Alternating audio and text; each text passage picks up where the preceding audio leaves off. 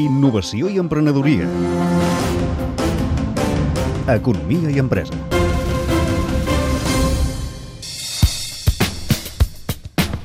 Som com els radiòlegs del subsol, fem radiografies o ecografies del subsol, de manera que sabem què hi ha sota terra, sense haver de fer rases, exacte. Quatre emprenedors de Terrassa han patentat un aparell que, sense necessitat de foradar, permet obtenir imatges en 3D dels cables i serveis que hi ha sota terra.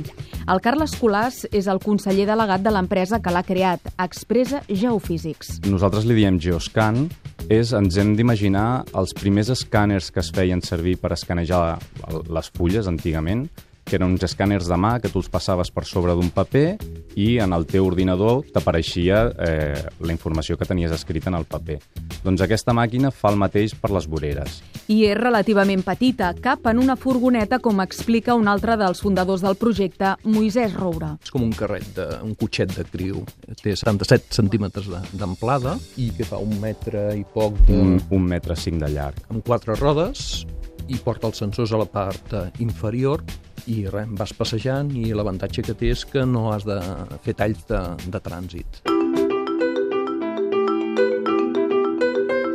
El Geoscan combina dues tecnologies, el georadar i la inducció electromagnètica i permet distingir amb exactitud quin tipus de cable o canonada tenim sota terra, encara que n'hi hagi molts, ja siguin d'aigua, gas o llum. El seu ús pot estalviar moltes molèsties tant als ciutadans com a les empreses. Si vull fer la instal·lació d'una nova línia, puc dimensionar-la des del meu AutoCAD amb una fase prèvia, sense necessitat d'obrir, en el moment de l'obra civil em puc estalviar ensurts que em pugui trobar, estem acostumats no, a sentir doncs, una canonada d'aigua que rebenta i provoca mm. un geyser al mig de l'eixample o un barri es queda sense llum perquè una excavadora ha trencat un cable. Doncs totes aquestes coses es podrien minimitzar moltíssim. El mercat natural d'Expressa Geofísic són els Estats Units, on es calcula que per cada dòlar invertit en la detecció de serveis se n'estalvien 11 en el procés constructiu.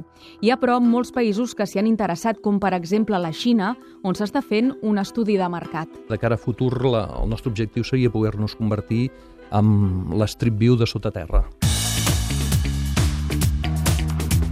Quin és, doncs, el pas següent? Buscar finançament per poder fabricar la màquina, ara només la coblen, i per fer evolucionar el soft de forma que incorporéssim algoritmes d'intel·ligència artificial per fer interpretació automàtica de les, eh, dels resultats que s'obtenen, sense necessitat de, de tenir un geo, geofísic que s'ho miri, com seria el diagnòstic per imatge amb, amb mm. imatge mèdica, i llavors això ens permetria doncs, eh, que fos un producte molt més escalable. És a dir, que qualsevol persona habituada a treballar obra pogués passar la màquina, pujar les dades al núvol i que li tornessin automàticament analitzades per poder començar a treballar.